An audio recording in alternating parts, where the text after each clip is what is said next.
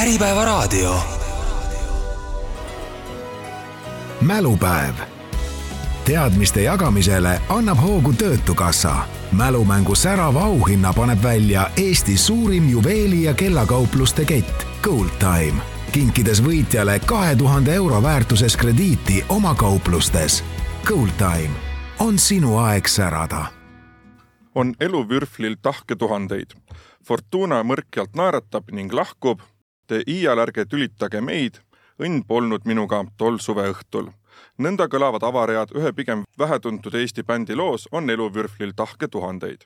bändi nime jätan ma siinkohal ütlemata, sest selle me saame teada juba varsti meie tänase mängu käigus. seega ma loodan, et Fortuna siiski naeratab meie tänastele mängijatele lahkelt ning et õnn on nendega nii talvistel ennelõunatel kui ka hiljem suveõhtutel millised tahud eluvürfel küsimuste näol meie vastajate ette laob, selgub juba lähima tunni jooksul, alustab mälupäev. oleme oma järjega jõudnud viimase veerandfinaalini ning mur-, murdmas meie esimese hooaja selgroogu. tänase mängu võitja liitu, liitub juba kolme edasipääsu taganud ettevõttega poolfinaalides ning kaugel see finaalgi enam on mälupäeva saate võitja selgub juba tuttaval viisil. ette on valmistatud kümme põnevat küsimust ning tiimid hakkavad kordamööda neile vastuseid otsima esimesed kaheksa küsimust annavad õige vastuse eest maksimaalselt kaks punkti, kuid soovi korral on võimalik paluda ka vihjet, kuid siis jääb mängu vaid üks punkt. Nende küsimuste puhul on võimalik vale vastuse korral ka vastasmeeskonnal proovida ning punktid endale napsata. viimased kaks küsimust, kus siis juba mõlemale tiimile tuleb küsimus personaalselt, on sellised, kus on võimalik saada neli punkti. sellest aga täpsemalt juba siis, kui nende viimase kahe küsimuseni jõuame mängu võidab enim punkte kogunud paar. kui mängu lõpuks jääb skoor viiki, siis selgitab võitja viigilahutaja küsimus. lennuliiklusteeninduse AS-i, Oixio ja Sony kõrvale poolfinaalidesse hakkavad pürgima Eesti Energia koosseisus energiaturgude analüütik Robert Suigusaar. tervist!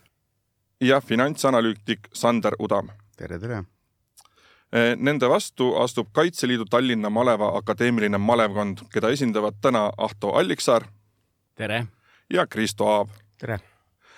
Äh, Eesti Energiamehed, kuidas on äh, teie muidu igapäevane kokkupuude või siis igakuine kokkupuude mälumänguga?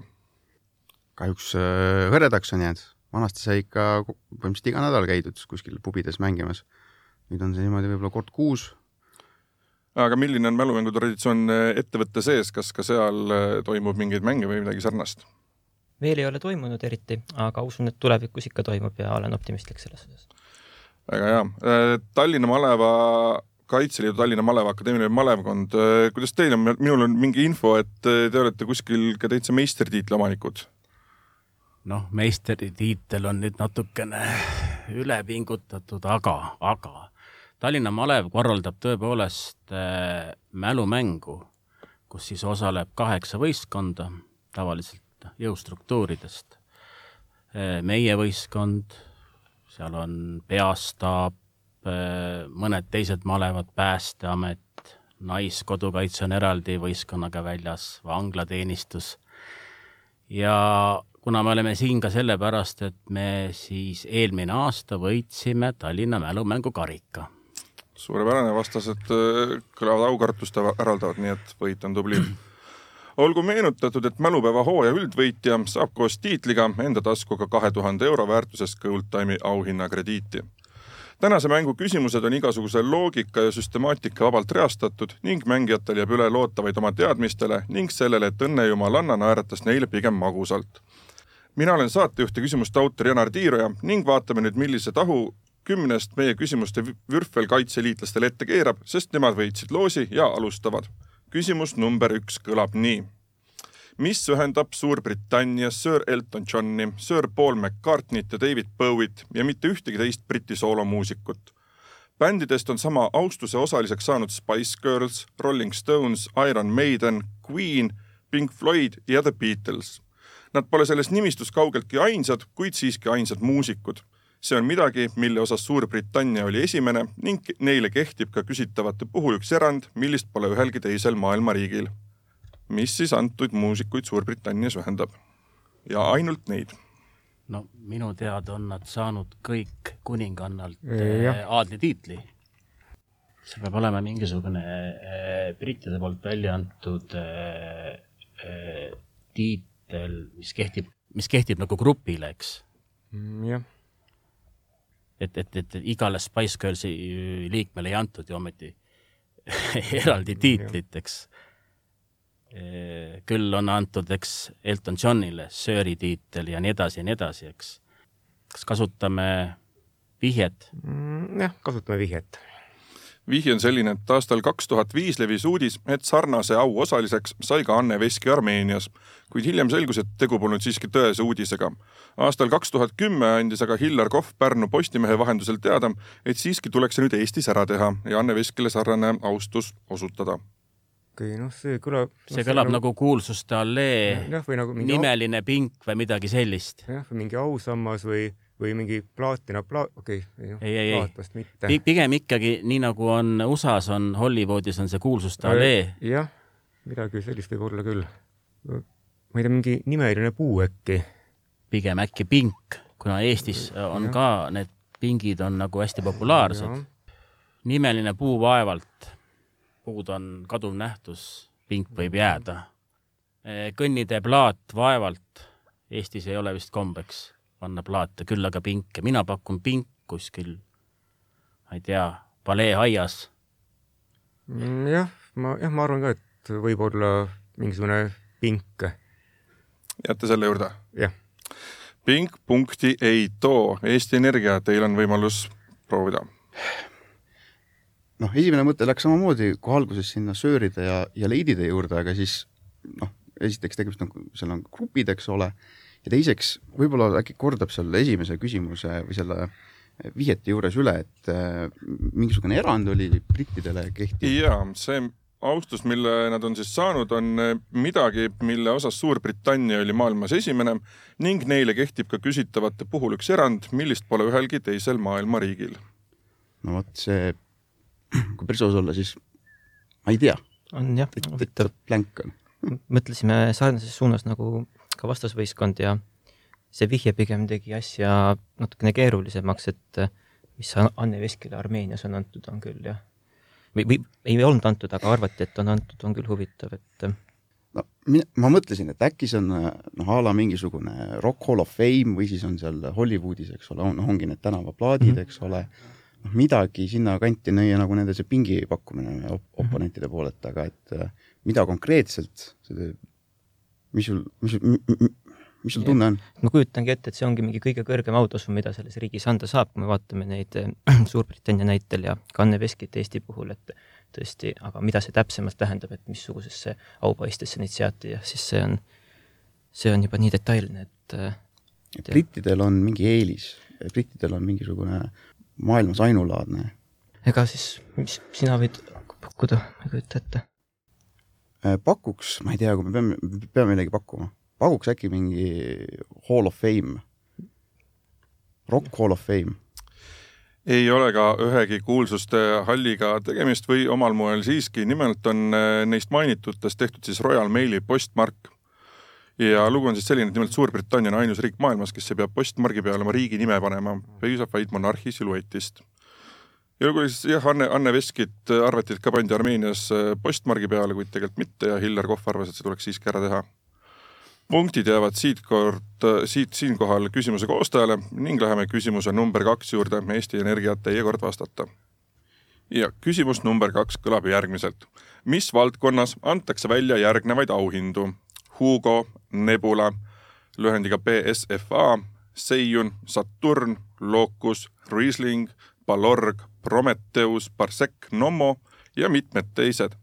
Eestis välja antava selle valdkonna auhinna nimetamine teeks vastamise ilmselt liiga kergeks, kuid olgu öeldud, et see kannab ühe tuhande üheksasaja seitsmekümne üheksandal aastal linastunud filmi nime ning seda antakse välja aastast tuhat üheksasada üheksakümmend kaheksa. mis valdkonnas siis järgnevaid auhindu välja antakse? minu mõte liikus äh, mingisugustele veinidele äh, või noh, mingit seda tüüpi asi Eestis on vist mingi nautimus või? ma ei, selle nimelist filmi ma pean tunnistama, ma ei tea. aga sinna minu mõte liikus. Äh, minul liikus mõte tegelikult astronoomia ja kosmose suunas, kui me räägime Saturnist, aga tegelikult ka Parsekist. Nebula, eks ole. Nebula on mis? vist on mingisugune udukogu või mm -hmm. mingi sihuke asi on. just, et kosmosega seotud.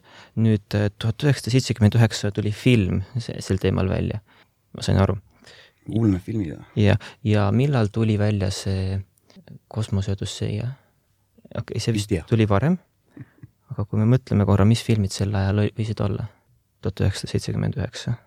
Äh, Stalker ja auhinda antakse välja alates üheksakümne kaheksandast aastast. ja mis ta siis oleks?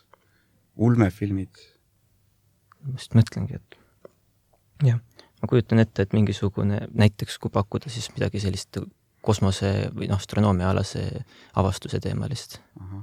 Äh, kas, mis sul tunne on, kui me vihjet võtame, kas sa arvad, et meil läheb paremaks asi sellest jaa, või prooviks kahte punkti ja Ei. prooviks ulmefilme? ei, pigem prooviks jah.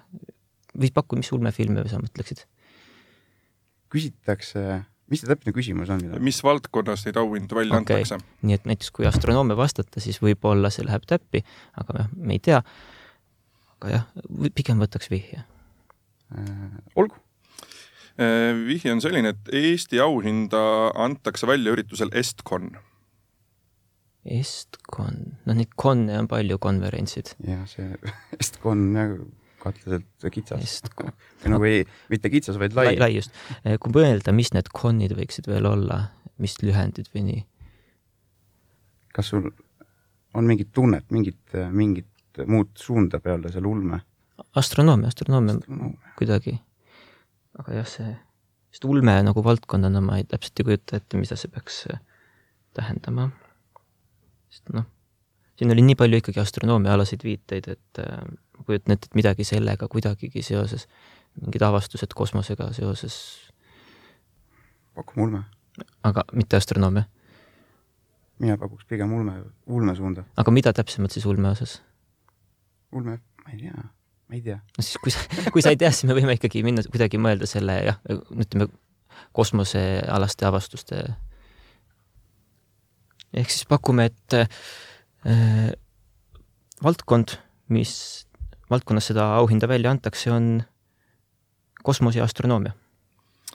punkte siit ei tule. nii, kaitseliitlased, teie kord. jah, et, et vastased küll, küll selle teema ümber ka tiirutasid, aga, aga noh, me juba nägime esimesest vihjest ära, et see noh, see seitsmekümne üheksanda aasta film on Stalker ja selle nimeline on Eestis ja noh, analoogiliselt mujal maailmas äh, auhind ulmekirjandusele. just, kõik faktid õiged. tõesti, siin Eesti Energia meestel jäi see vastus lauda. lisan veel juurde, et, et seitsmekümne üheksandal aastal esilinastus ka USA-s äh, üks kuulsamaid ulmefilme, Kolmanda astme lähikontakt, mis oli oma ajastul nagu epohhi loov. kindlasti vaadake järgi. väga hea soovitus. nii, silm peas kaitseliitlastel seisult üks-null, läheme kolmanda küsimuse juurde ja teil võimalus ka uuesti punkti juurde teenida. lugu selline. Charles Osborne oli üks USA farmer, kes elas aastatel tuhat kaheksasada üheksakümmend neli kuni tuhat üheksasada üheksakümmend üks tuhande üheksasaja kahekümne teisel aastal, kui ta töö käigus ühte sea lihakeha lõikamiseks üles riputas, siis ta kukkus. Ja alates sellest hetkest kuni aastani tuhat üheksasada üheksakümmend saatis miski teda läbi tema elu sisuliselt kogu aja. täpset põhjust selle juhtumiseks arstid öelda ei os-, ei osanudki, kuid oletati, et selle tõstmise ja kukkumise käigus purunes üks väike veresoon, veresoon tema ajus, mis Charles Osborne'i kuuekümne kaheksaks aastaks saatma jäi kokku oma eluajal ta tegi seda arvestuslikult umbes nelisada kolmkümmend miljonit korda ja eranditult täiesti soovimatult.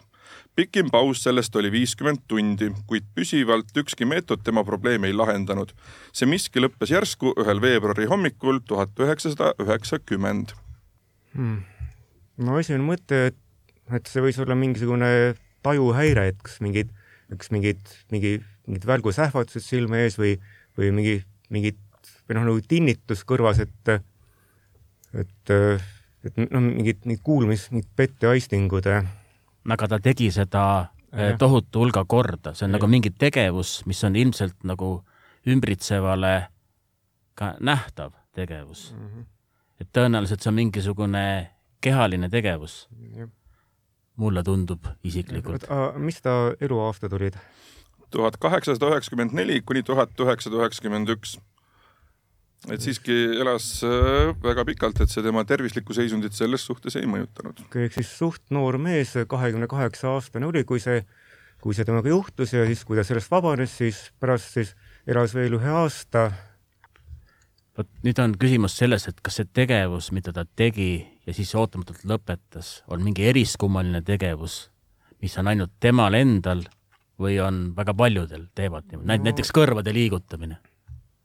No pigem, pigem ma arvan, et niisugune, et no kas nüüd harv või, või ka noh, ilmselt mitte väga sagedane, aga noh, selline, mida üle maailma inimestel siis ka, siiski mõnel tuleb ette. ja, ja noh, mille, mille peale ta lõpp, noh, mille, noh, mille peale ta siis lõppeda, et mm, no näiteks üks niisugune soovimatu tegevus, mis mõnikord käib kaasas, on luksumine aga, aga noh, see tavaliselt läheb, läheb, läheb üle, kui keegi, kui inimest ehmatada.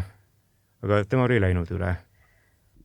naermine näiteks, eba, tähendab täiesti lambist hakkab inimene naerma või mis veel hullem, äkki on seotud kuidagi urineerimisega. ja, ja, ja see, see kõige pikem vahe oli viiskümmend tundi ehk no, no umbe, umbes kaks ööpäeva, nii et aga noh, vahed olid ka lühemad, nii et järelikult ta võis seda teha, noh, kindlasti ta võis seda teha ka mõnikord öösiti. No ma ei tea, võtame vast vihje. võtame vihje. vihje kõlab järgmiselt. seda võib tekitada ka alkoholi liigtarvitamine ning tihti kasutavad ka näitlejad seda, kui joobes tegelast mängivad.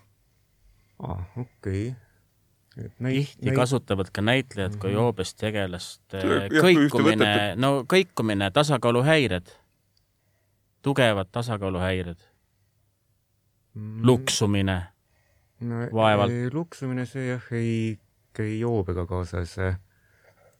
tasakaaluhäired võib, nojah, võib-olla tõesti. ei mm.. kõikumine Kõi,. jah, kõikumine. mida teeb tugevas joobes mm. inimene? kõigub, ta räägib, artikuleeritud kõne on häiritud. jah, on häiritud. no lolli juttu ajab niikuinii. nojah mõni ka samas tarka, targemat juttu.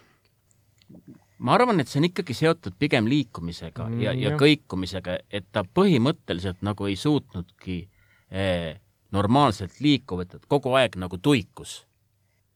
et noh, pidev tuikumine, mis siis äkki siis lõppes ära. nojah, tundub loogiline. tundub loogiline, paneme lukku? pakume. kõikumine ei olnud see, mis härra Osborne'i vaevas, nii Eesti Energia teie pakkumine? mul on tunne, et me oponendid tegelikult tegid äh, meile tagasi selle, mis me eelmine ring tegime et ikka üsna kindel, et see peaks ikka luksumine olema. Äh, nii on, luksumine toob äh, punktiga teile kirja ja seis on tasavägine üks-üks. Läheme neljanda küsimuse juurde. Eesti Energia seekord siis teile taas. Soome võttis Paciuse loodud hümni kasutusele tuhat üheksasada seitseteist ja Eesti esmakordselt tuhat üheksasada kakskümmend kuid Euroopas on veel kaks riiki, kes jagavad hümnide puhul meloodiat, kuid sõnad on erinevad. teine neist võttis ka oma hümni sarnaselt Eestile kasutusele tuhande üheksasaja kahekümnendal aastal, esimene juba oluliselt varem. siinkohal olgu öeldud, et on ka kaks riiki, kelle hümnid on täpselt samad, ehk siis nii meloodia kui sõnad, kuid neid me siin ei küsi. nii et palun öelge mulle need kaks riiki, kellel hümni meloodia on sarnaselt Soomele ja Eestile omavahel sama, kuid sõnad erinevad olen kunagi mingit sarnast küsimust kuulnud, aga ma ei mäleta okay.. üks mu mõte oli see, et see on mingisugune God Save the Queen või noh, midagi seda tüüpi äh, hümn. noh, kui me räägime ikkagi tuhat üheksasada kakskümmend iseseisvumisest, siis tõenäoliselt ta võis olla suure tõenäosusega kuskil ikkagi nende impeeriumite alt vabanemisega seoses Ida-Euroopas näiteks äh,, aga see on võimalik. aga jah, äh, tuhat üheksasada kakskümmend siis võime eeldada, et et jah, sel ajal see umbes riik ise pidi iseseisvuma. aga, aga ega mina ka seda täpselt niimoodi ei tea. no riigid võivad hümni ka niisama muuta, eks ole, kui nad piisav tahtmine on. ma kujutan ette, et kui on näiteks hästi hea läbisaamine kahe riigi vahel, isegi kui impeeriumilt vabaneti, et siis jäeti see hümn lihtsalt alles. et ähm, kas Iirimaa äkki oli iseseisev seal tuhat üheksasada kakskümmend umbes? Mm, jah, eks seal Iirimaa kodusõda, eks ju oli, aga ma mõtlengi, et Iiri, kuna see, seal olid ikkagi niivõrd rahulolematud, et no nemad kindlasti God Save the Kingi ei oleks endale jätnud, sellega ma olen nõus seda jah, kaheldav. ja kui mõelda kaugemale Euroopast, siis ma ei olegi kindel, kas, mis meil siin võiksid olla. ma võin öelda, et küsimuses oli kirjas, et kaks Euroopa riiki Ah, okei. ja need on kaks Euroopa riiki, et me ei pea liiga kaugele siis on hästi. kui mõelda sinna Balkani poole, ma ei kujuta ette näiteks äh, Rumeenia, Moldova Eh, no Moldovat toona ei olnud, eks ole, toona oli Rumeenia mm -hmm. ja no Rumeenia ikkagi riigina on ka vanem. üks oli, siin oli ka, anti märku, et üks oli oluliselt vanem, vanema hümniga okay.. no het-, hetkel neil on sama, sama hümn jah, või sama viis selles mõttes. jah. noh, kui mõelda veel väga väikestele riikidele, äkki, äkki seal leiab mingisugust analoogiat, kas või näiteks San Marino, Liechtenstein, ma ei kujuta ette. kas me võtame vihje? me võtame vihje. vihje on selline, et üks neist riikidest muutis hiljuti oma hümni nime ja sõnum. teises riigis pole lennujaama ega sõjaväge ning sinna on registreeritud rohkem ettevõtteid kui riigis kodanikke. nii, no muidu iseenesest see äh, kõlab väga Liechtensteini moodi. Üks äh, riik, mis muutis äh, sõn-, sõna, oli, eks ju, Ühendkuningriik. ah, et Liechtenstein ja UK. seda, kas see Liechtenstein teine on võimalik, rohkem ettevõtteid jah, kas, mis Luksemburgis muidu on, no ma ei usu, et see Luksemburg on ikkagi nagu päris riik. nojah, igatahes jah, siis äh, Euroopas ma kujutan ette tõesti ainult Ühendkuningriik, mis ei muuta vaata, Andorra ma tean, et neil ka endal lennujaama ei ole. et ega see ei ole Hispaania ja Andorra. Eh, miks Hispaania või Andorra, kumb neist oma seda, Hispaanial ei ole sõnu üldse, nii et seda nad ja okei jah, nad pidid muutma nii sõnasid kindlasti. nii, siis, Liechtenstein ja UK. no nii mul, tunne, et praegu meil on nagu see on nagu see põhiasi laual. okei okay,, siis noh, ma arvan, et veel korra mõelda kõik läbi, siis Island, jah, Islandil on ka see teema, et neil ei ole vist ainult lennuväli. aga lennuväli on seal vist Okei, okay, jah, siis, sadu, äh, okei okay,, siis teeme ilmselt pakkumise jah, et äh, pakume Liechtensteini UK. pakkumine edukas ja punkt kirjas Oh. Need küsimuses mainitud kaks riiki, kus siis hümn ja sõnad on täpselt samad, on Kreeka ja Küpros. ja Aafrikas on suisa kolm riiki, kelle hümnidel on sama meloodia, on Lõuna-Aafrika Vabariik, Tansaania ja Sambia, nii et kui on hea toode, siis kõlbab kasutada igal pool skoorilt äh, kaks Eesti Energia ja üks Kaitseliidu Tallinna Maleva Akadeemiline malevkond. Läheme edasi küsimuse number viis juurde, see kõlab teile, kaitseliitlased. kahekümne kuuendal novembril aastal kaks tuhat viis avati Bosnia ja Hertsegoviinas skulptor Ivan Fiolitši poolt tehtud ausammas. see kujutab pea elusuuruselt meest, kelle elutee jäi lühikeseks, kuid selle aja jooksul oli ta nii sportlane, treener, näitleja, režissöör, stsenarist, produtsent ja filosoof. ajakiri Time on ta valinud üheks kahekümnenda sajandi olulisemaks inimeseks. kuju Mostari linnas pidi sümboliseerima solidaarsust etniliselt jagatud linnas igasugune seos küsitaval riigi ja linnaga mõistagi puudub, kuid tegu oli siiski esimese avaliku mälestusmärgiga temale. ent juba järgmisel päeval avati ausammas ka tema koduriigis, kellele Mostari, Mostari linnas Bosnia ja Hertsegoviinas ausammas püstitati. okei okay,, no et esimene mõte, mille, mille pärast liikus Nikola Tesla peale, aga tema ei, ei olnud sportlane ega, ega näitleja te, teadaolevalt. kuigi sealtkandist pärit, jah aga tegu siis mehega, kellel küsitava riigi ja linnaga igasugune seos tegelikult puudub. ah, okei okay., et niisuguselt, no ju ta siis pidi, pidi olema ka niimoodi hästi-hästi multikultuurne või väga, väga siukse, siukse kirju sugupuuga. Kas keegi äkki kuulsatest rahuvõitlejatest, aga elu, eluiga oli lühike, jah? just. Mhm, sportlane, näitleja, režissöör, poliitik, filosoof kas stsenarist ah., produtsent ja ajakirja Time sõnul ka üks kahekümnenda sajandi olulisemaid inimesi. oluline inimene, noh, no mingi noh, kultuuriinimene. Ja teine ausammas püstitati, ma saan aru siis kus kohas? juba koduriigis. koduriigis, jah mm. -hmm. ja, ja just, just, et, et elu, eluiga jäi lühikeseks ja no järelikult, et siis ela, elama mingil üsna, üsna niimoodi end iseloomulikul perioodil. tekitab segadust see sportlane mm. -hmm. Ma vaatan, et noh, kui, kui tegemist on nagu filmiinimesega, eks ju, siis on äkki sportlane. jah, mul üks, üks mõte oli Leni Riefenstahl, aga tema elas hästi kaua. tema elas kaua jah, üle kaheksakümne kindlasti. ja vaevalt, et nüüd tema siis nüüd äh, sümboliseeriks seda seda teemat siin ma saan aru, et Bosnia ja Hertsegoviinaga nagu põhimõtteliselt mingisugust seost ei olnud. täiesti null, jah. ma ei tea, peab ikka vihje võtma. võtame vihje, jah. Küsitava ausambad on veel olemas ka Hongkongis ja Los Angeleses. okei okay., no Los An-, kui Los Angeleses, siis ilmselt seal Hollywoodi linnaosas ja Hongkong, aa, oot-oot, äkki on, äkki oli Bruce Lee? Bruce Lee ta oli, väga hea tuletus ja punkt jällegi kirjas. tänane mäng läheb väga tasavägiselt, seis on kaks-kaks. järjekorras kuues küsimus Eesti Energiat teile. Tahan teada, kes kuuluvad alamseltsi Nematoodsera Eestis elavaid sugukondi on kakskümmend kuus ja liike umbes tuhat kaheksasada. see on ka üks kalakotka rahvapärastest nimetustest. seda nime kandis ka bänd, kuhu kuulusid Juhan Ulfsak, Janek Murd, Sten Šeripov, Meelis Meri ja Rünno Sulg. bändil on Discogsi andmetel ainult üks enda välja antud kolmelooline EP, seda aastal kaks tuhat neli ja bändi ühe loo esimese ridu kuulis ka saate sissejuhatuses. Mis on selle bändi nimi või kes kuuluvad alamseltsi Nematoodsera? hakka paugutama, mis sul mõttes on? oi ei, see on nüüd küll selline küsimus. mingi tuhat pluss liiki, eks ole. tuhat kaheksasada. mis nad üldse olla saavad, need saaksid olla mingid äh, no ma ei tea, mingid putukad, kas jah, jah. või mingid täitsa mikroorganismid. ja mida kakskümmend kuus oli? Eestis elavaid sugukondi kakskümmend kuus ja liike tuhat kaheksasada. Eestis tuhat kaheksasada liiki, no siis on küll jah üsna, üsna vähe valikuid tegelikult. ja, ja tegemist siis ka kalakotka ühe rahvapärase nimetusega. tegi putukad, mis seal veel võivad olla, mingisugused väikesed. mingid taimed, mingisugused lilled. bänd. ma ütlen ausalt, mulle see bänd äh, ilmselt ei mõtle välja, ma siin vaatan, et Kaitseliidu mehed äh, nüüd teavad paremini Nematoodsera oli see. noh, ühesõnaga kas mingid putukad, mingid mikroorganismid, võib-olla äkki on mhm. mingisugust äh,, mingid taimed, mis sinna võiksid kuuluda veel? kuidagi, ma ei tea, kui kalakotkast räägime, kuidagi ei ole seotud mee, veeelukatega. võib-olla vabalt, ma ei tea. ma üsna kindel, et meil läheb siin viiet vaja.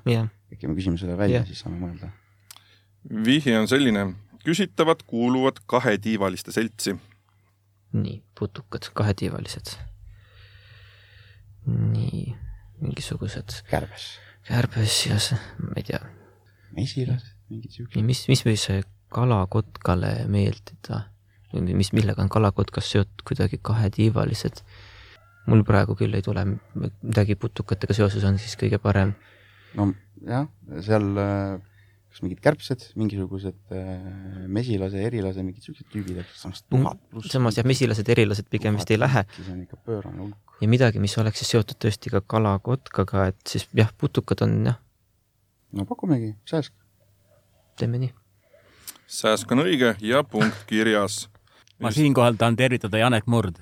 ma olen temaga koos töötanud õige mitu aastat. vastu oli siis sääsed, õigemini siis alamselts, kui väga täpne olla, on sääselised mäng jätkub Eesti Energia eduseisul kolm-kaks ning järgmine küsimus tuleb siit kaitseliitlastele kui praegune vormel ühe piloot Lando Norris veel kartidega sõitis, siis oli tal üks väike probleem.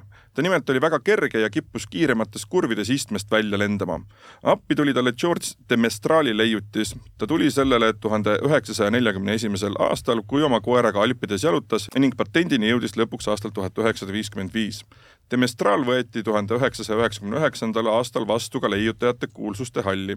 mis leiutisest jutt? Kui leiutis aitas Norrisel edukalt karti sõita, siis võidu korral tekitas see ka kergeid probleeme tähistamise puhul.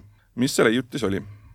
noh, mõeldes kaardi peale, esimene mõte oli, et noh, üldiselt kaardi iste on niisugune, et siit külgedel tulevad külje, noh, et põhimõtteliselt iste on nagu istuks nagu niimoodi kolmest küljest piiratud ja et sealt kuhugi välja ei lendaks ja siis teine võimalus, et oli, et oli turvavöö, et et jah, ma isegi nagu mäletan, et turvavöö kui selline võeti ka kasutusele kuskil viiekümnendatel, no vähemalt sõiduautodel ja aga samas, samas võis olla ka mingisugune, et mingisugune ballast sellele aparaadile, et ja, ja sa-, aga et, et tekitab probleeme pärast tähistamisel. noh, üldiselt kaart, kaardisõitjad ei kasu-, ei kasuta turvavööd, lihtsalt istuvad oma seal kookonis sees, aga aga noh ma ei tea, või võib-olla, võib-olla siis tema jaoks eraldi pandi tõesti turvavööd sinna. või. no see on põhimõtteliselt ju ainuke asi, mis peale kiivri veel kuidagi kaitseb mm,. jah.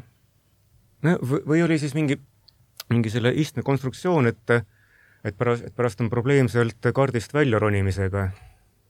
et noh, näiteks noh, näiteks vormel ühes üldiselt selle juhi sinna, juhil sinna, sinna kabiini ronimine ja pärast väljasaamine on niisugune paras pusimine, et turvavööde kasutusele võtmine eh, neljakümnendatel, kolmekümnendatel, kas ikka vist oli varasemalt ju, ma arvan, et turvavööd hakati kasutama juba siis, kui hakati noh, lendama siis olid ju lendurid sisuliselt ikkagi kinni istme küljes. aa, nojah, lennukite puhul küll, samas, samas ma mäletan niisugust fakti, et üks Ameerika autokonstruktor Tucker viie, tegi viiekümnendatel niisuguse, niisuguse tõsiselt oma, oma ajast ees oleva auto, millel olid muuhulgas turvavöödega, siis konkurendid vihtasid sellele, et autol on turvavööd, et järelikult on ebaturvaline, et nii et eh, sõiduautodel võis turvavöö tõesti hakata levima kuskil viiekümnendatel kas me riskime ja pakume turvavöö mm. või me võtame äh, selle vihje ja mm., ja äkki ikkagi saame punkti kätte, kuna mm. seis on tagasi, tagasi tasavägine no,. pigem võtame ikka vihje. jah, vihje meie küsimusele kõlab järgmiselt. Demestraali viis leiutisena miski, mida ta leidis oma koera karvadest peale jalutuskäiku.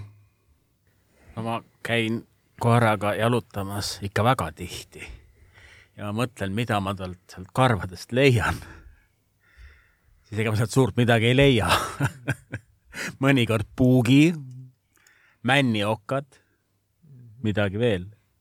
nojah, Alpides, et siis mida, midagi, mis äh, leidub mägedes niimoodi kõrgemal. Äh, no koera karvadega, noh, esimene mõte oli kirp, aga, aga noh, kirp on nii pisike, no kuidas sa leiad seda sealt? ja mis seos on kirbul kaardisõiduga? mõnikord võib koera karvades olla, kui ta seal, eriti siin, kui on äh, maastik selline männirikas, võib olla vaiku. jah, koera karvades võib olla vaiku küll, kui ta seal pöherdab kuskil, on vastu näiteks männi, mändi, millel on noh, mis on vaiguline ja siis avastad, et on noh, vaiku täis, võib-olla. vaik nüüd põhimõtteliselt on ju liimiva omadusega. jah jah, siis, siis põhimõtteliselt nagu mingi liim, et millega, millega piloot oma istme külge kinni liimida ja. see nüüd kõlab küll väga kummaliselt, aga, aga võib-olla siis on tõesti mingisugune vaigu koostisega materjal, mida pannakse siis kuskile. see on nii totralt kõlab, küll saapad haldade alla äkki või et, et, et ei libiseks ära ja, ja, kaardisõidul. ja, ja noh, samas, et et nüüd, et nüüd selle, sellest ideest tehti, ideed nii palju arendati, et, et tehti sellest kohe mingi leiutis ja kas on, on nüüd ole, olemas mingi leiutis, et mingi spetsliim, millega keegi kuhugi kinni liimida, et tegemist on siis mingi ajutise liimiga tõenäoliselt, ei saa ju no, jah. võtta, teha leiutist mingile asjale, mis liimib ja. kinni, ei tulegi enam lahti no, no mina ei tea, see, võib-olla see vastus võiks siis olla mingi vaigu baasil tehtud liim, liimuv aine. midagi sellist, ma ei oska seda sõnastada nii hästi äh,. saan aru, mis, mida mõtlete, kuid punkti sellest anda ei saa. Eesti Energia, teil võimalus proovida äh,. ma arvan, et kaitseliitlased olid väga õigel teel, aga ma arvan, et see, mille nad sealt, mille ta oma koera karvadest leidis, on takjas ja ma arvan, et see leiutis on takkrõpsud. see takkrõpsud, jah. ja just nii on, velcro ehk siis takk ja pael ja Lando Norrisele väiksele poisile pandi siis takkiriba selja peale ja see hoidis teda istmes. siis kui tähistada tahtis, siis ta ei jaksanud sealt istmest ennast väga eemale tõmmata ja püsti tõmmata, et siis juubeldada. seitsmenda küsimuse eest võtab äh, punkti omale Eesti Energia ja lähevad skooriga neli-kaks mängu juhtima viimane nii-öelda tavaküsimus ehk kaheksas ja tuleb siit äh, Eesti Energia teile. kahe tuhande neljateistkümnenda aasta kahekümne seitsmes juuni Inglismaal toimub Glastonbury festival ja seal esineb Lily Allen.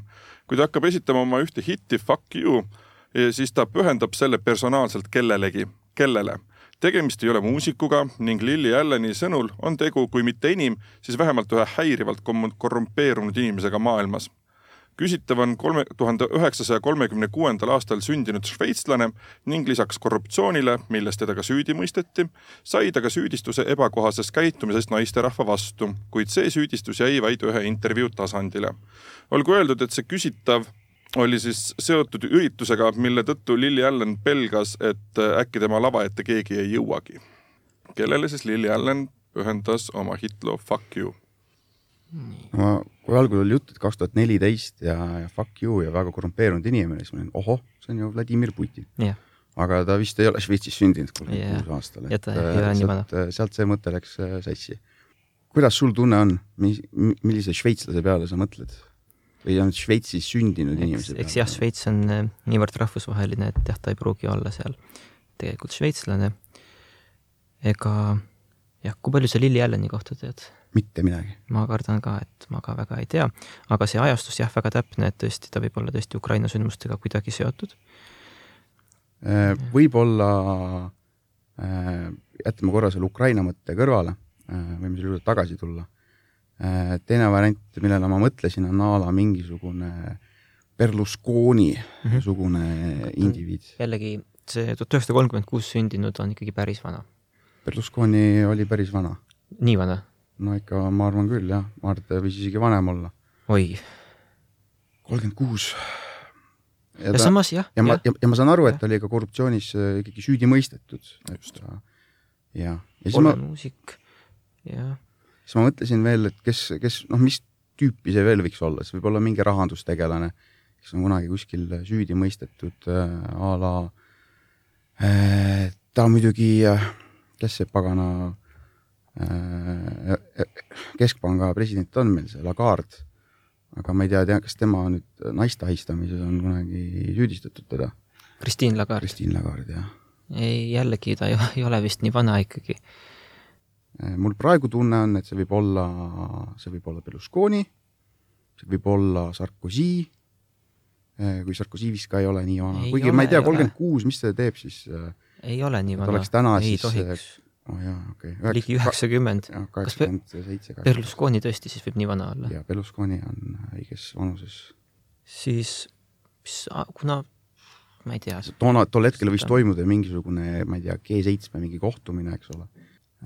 mis võis olla põhjuseks, miks ta arvas, et see sinna festivalile keegi kohale ei jõua. mul on hetkel see Berlusconi Jah. mõte on mul Jah. tugev. kas siis võtame vihje või pakume ära? Kui me mööda paneme, siis nemad saavad kahte punkti pakkuda. ma proovin lihtsalt strateegiliselt jah mõelda, eks, ole. jah, jah. olgu öeldud, et hetkel olete eduseisus neli-kaks. Mhm. kaks tuhat neliteist, Mart Berlusconi võis toona olla küll peaminister. ja seda küll, seda küll. aga kuidas peaks olema ta nii vastumeelne, et äh, keegi sinna Lili Allenile kohale ei taha tulla? ja miks just tema, mitte keegi teine ja see mainitud isik siis lihtsalt oli seotud ühe üritusega. no mina olen, mul on niisugune seitsekümmend viis protsenti tunne Berlusconi osas. et aga see võib olla ka mingi muu, noh, ma ütleme, mu pakkumine on, et ta on ikkagi mingisugune vana päss poliitik, eks ole. tõenäoliselt Lääne-Euroopa no ja, ja Šveitsis sündinud täitsa loogiline, et jah, ta võib Itaalias olla, Berlusconi pigem vist oli sealt põhja poolt küll kuskilt pärit. pakume Berlusconi, pakume. pakume Berlusconi. Berlusconi ei ole õige vastus, kaitseliitlased teil võimalus järgi rebida. No me, no me oleks täpselt sama pakkunud, aga nüüd peame, peame hak- hakkama, hakkama mõtlema, et et kui see ei ole, ei samas äh, mul Šveitsiga esimene, esimene mõte oli millegipärast äh, vana Eesti sõber George, Georg Soros, aga aga kas on veel võimalusi? meenutan, täpsustame et ka korra vihje, veel vihje on ka kasutamata. jah, täpsustame veel korra seda kohta, koht, kus see festival toimus, oli see on äh, Ühendkuningriikides Glastonbury festival, see on äh, sisuliselt äh, suvaliste põldude vahel toimuv Jah. suur muusikafestival. Aastal kaks tuhat neliteist, kakskümmend seitse juuni. jah, põhimõtteliselt ju noh, no, kuidas see mis seos on seal üldse oleks olnud Berlusconiga? Äh, küsimus oli, on muide vale et vastus, et äh, te ei pea selle juurde jääma. seda Kuigi küll, tahate, ma võite- te võite pakkuda ma uuesti. mõtlen teie loogikat. okei okay,, ehk siis tol, tol, tol hetkel oli seitsmekümne kaheksa aastane või seitsekümmend seitse, oleneb millal tal sünnipäev on mm.. Šveitsis sündinud äh, mm,. põhimõtteliselt ju väga paljud võivad olla Šveitsis sündinud no, see pole üldse mingi näitaja. me isegi võib-olla ei tea, et nad on Šveitsis no, sündinud. ja noh, Fred Jussi sündis Arubar, no see selleks mm, pigem see noh, üdini korrupeerunud, nii et, et noh, äkki keegi kuninga perekonnast. ma lihtsalt nagu mõtlen nagu, et, et võib-olla ei peaks sealt äh, Albioni saarelt väga kaugele minema. et äkki, äkki kuidagi sealt kuninga perekonnast keegi no,, seal on noh, üksjagu skandaale olnud erinevaid. Jah, sa, noh, see sünniaasta, et noh, kuninganna oli vanem, tema poeg George oli noorem. ja nemad ei puutu jah ja., neid ei ole keegi korruptsioonis kuskil süüdistanud.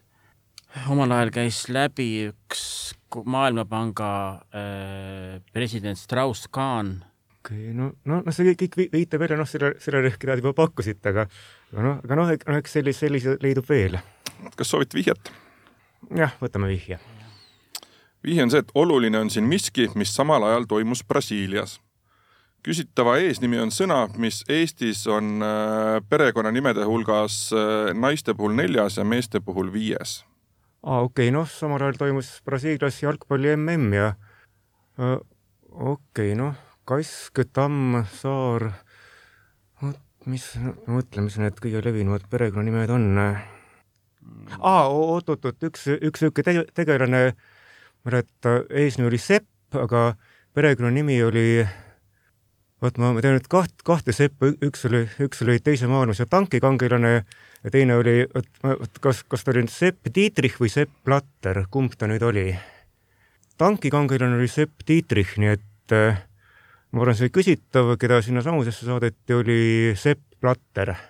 nii oli, Lily Allen pühendas oma hiti siis Sepp Platterile, FIFA presidendile toonasele ja, ja Lily Allen siis pelgas, et äkki inglaste mäng satub tema kontserdile, tema kontserdiga samale ajale ja kõik on siis kuskil telgis telekate või raadioaparaatide juures.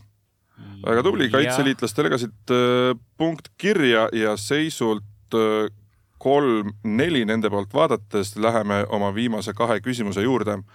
siin nüüd lugu selline, et kõigepealt äh, tuleb küsimus kaitseliitlased teile, sest teie olete hetkel tagaajaja rollis. Ja lugu siis selline, et kõigepealt annan teile nelja punkti vihje, saate natukene aega arutada, kui soovite, võite ka vastust pakkuda kui vastust ei tule, saate küsida kolme punkti vihje, jälle sama võimalus arutada ja nii edasi, kuni kahe ja ühe punkti vihjeni välja. aga pidage meeles, et kui juba ühe korra pakute, siis on ka kõik, et vale vastuse puhul siis rohkem vihjeid ei järgne. aga siin ka vastased neid punkte endale noppida ei saa. Neile on juba eraldi küsimus. nelja punkti vihje tuleb siit. Millise tavakeelse nimega me tunneme polütetrafluoruetuleeni see patenteeriti tuhande üheksasaja neljakümne esimesel aastal.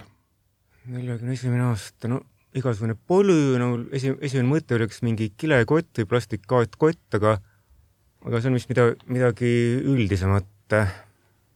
noh, mingi, mingi keemiline ühend, mingi, mingi ollus, mingi, mingi materjal. arvestades sellega, et teine maailmasõda oli juba suures hoos, siis seal leiutati igasuguseid asju, et asendada e, näiteks e, looduslikku naftat mm -hmm. ja muid selliseid asju, looduslikku kautšukit mm. -hmm ja, ja, ja nii edasi ja nii edasi, et, et toota nagu nii-öelda kunstbensiini, millega mhm. sakslased -hmm. said isegi hakkama teatud kogustes. kautšuki puhul samamoodi mm. -hmm. Siin muidugi seda, kui ei tea, siis seda niisama välja ei mõtle, sest noh, variante on ikka väga palju, mida võiks pakkuda, et äkki läheme. või mis see aine, mis see nimetus oli? polütetrafluoruetüleen. okei okay,, polütetra, siis midagi on seal fluoru, midagi on, midagi on seal neli, siis on fluoru, okei okay,, midagi fluoriga, etüleen, noh, no, no mingi mm, kurat, ma ei mäleta, kumb ta nüüd oli, kas orgaaniline või, orgaaniline või anorgaaniline keemia no mingi no minu, mingi, mingi sünteesitud aine ta peab olema. no minu mõte liigub ikka selle peale, arvestades seda aega, seda ajastut, siis minu mõte liigub ikka selle kunstbensiini peale. Noh, polütetrafluorüetüleen no.. kurat, mingi väetis, ei, väetis oli varem olemas. Mm,. kas võtame veel eh, No, vihjeid, äkki tuleb eh, kasutusala kohta midagi, mingi vihje?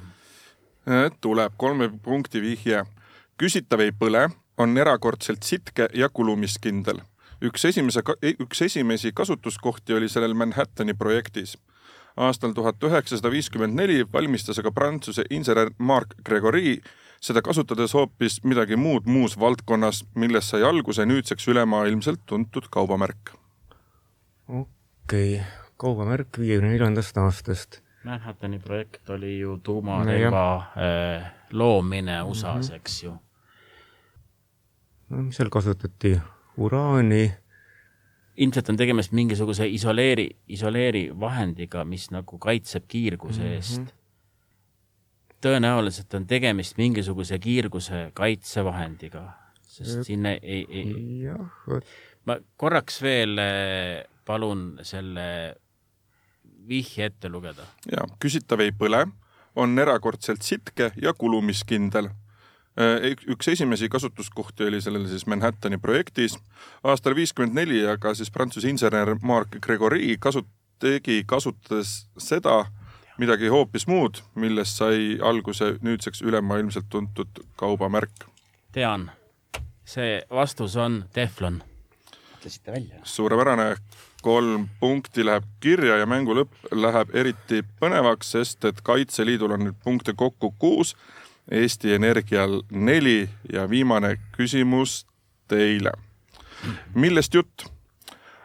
no on levinud mälumängu küsimus, et kui teise maailmasõja ajal USA kehtestas Natsi-Saksamaale kaubandusembargo, siis oli võimatu sinna tarnida Coca-Cola jaoks tarvilikke koostisosi ning oli vaja Saksamaa turu jaoks luua uus jook, mis sai omale nimeks Fanta kuid kuna koostisainete valik oli tollal pigem kesine, siis selle maitse ei olnud alguses kindlasti mitte midagi sarnast joogile, mida me praegu selle nime all tunneme.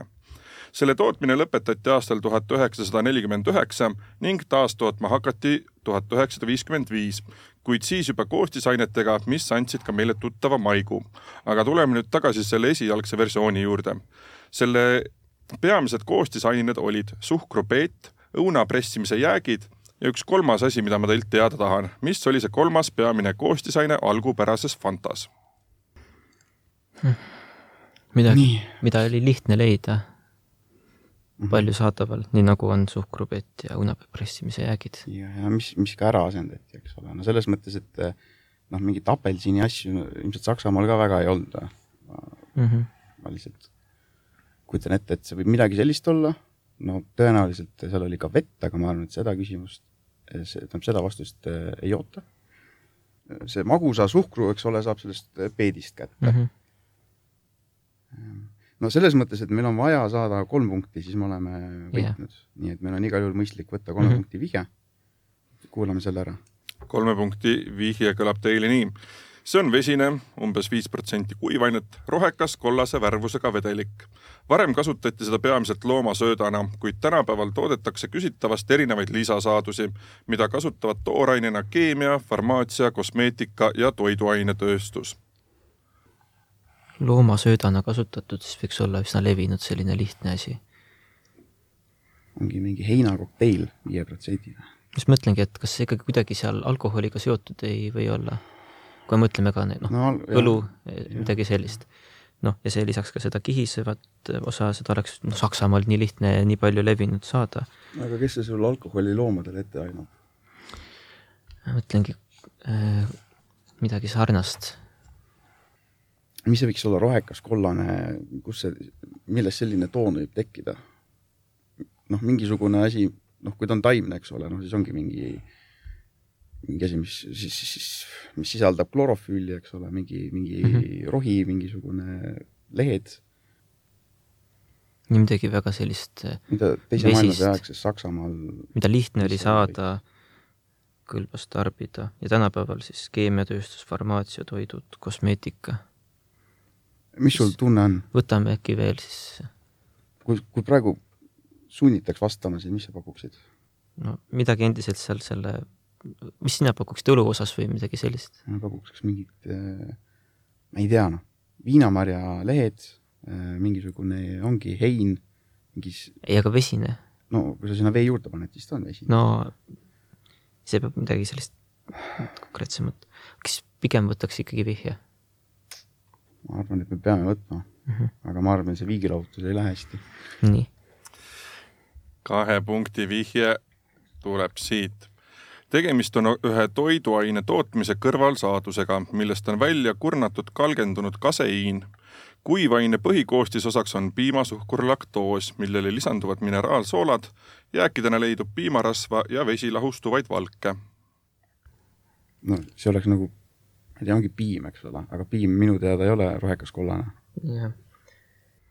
värvuse mõttes äh, mingi puumahl, eks ole, oleks nagu äh, võiks, võiks olla küll rohekas kollane. no me peame siin pakkuma selles mõttes. jah. järgmist vihjet äh, võtta ei saa. igal pool kasutusel, loomasöödana kasutusel. kuskil äh, juustu tootmisel mingi jääk, mis võiks olla? siis kuidas me seda sõnastaksime siis ju...? juustumahl mm. -hmm. juustu jah, juusturasv. ütleme nii, et jah just, justurasv, piimarasv. piimara-, midagi sellist, jah? juustupiimarasv. piima, piimarasv midagi. okei okay., äh, punkte siit äh, kahjuks ei tule ning äh, viimase küsimusega siis, viimaste küsimustega siis meie kaitseliitlased pöörsid seisu ümber ning skooriga kuus-neli on tänase mängu võitnud Kaitseliidu Tallinna Maleva Akadeemiline malevkond yeah.. tulles nüüd tagasi selle kümnenda küsimuse juurde, et siis see algse Fanta komponent oli vadak. nii et te olite oma juustu ja kõige sellega lähemal, kuid see on siis see vedelik, mis jääb alles, kui piimavalk on sealt välja saadud, ehk siis kaseiin. ma kahtlustan, et seda sõna ma ei oleks välja mõelnud. -hmm aga suurepärane, vastatud sai seitse küsimust kümnest, mis on minu meelest väga hea tulemus. aitäh ka Eesti Energia teile end proovile panemast ning teile auhinnaks imelise teaduse kolme kuu tasuta tellimus. võitjatega kohtume juba õi, aga õige pea uuesti poolfinaalides. head kuulajad, teid aga ootan meie seltsi taas kord järgmisel nädalal, ikka laupäeval kell üksteist või kordusena pühapäeval kell seitseteist Äripäeva raadioeetris või kuulake meid ükskõik mis tahes ajal Äripäeva veebis ja Spotify's. ilusat päeva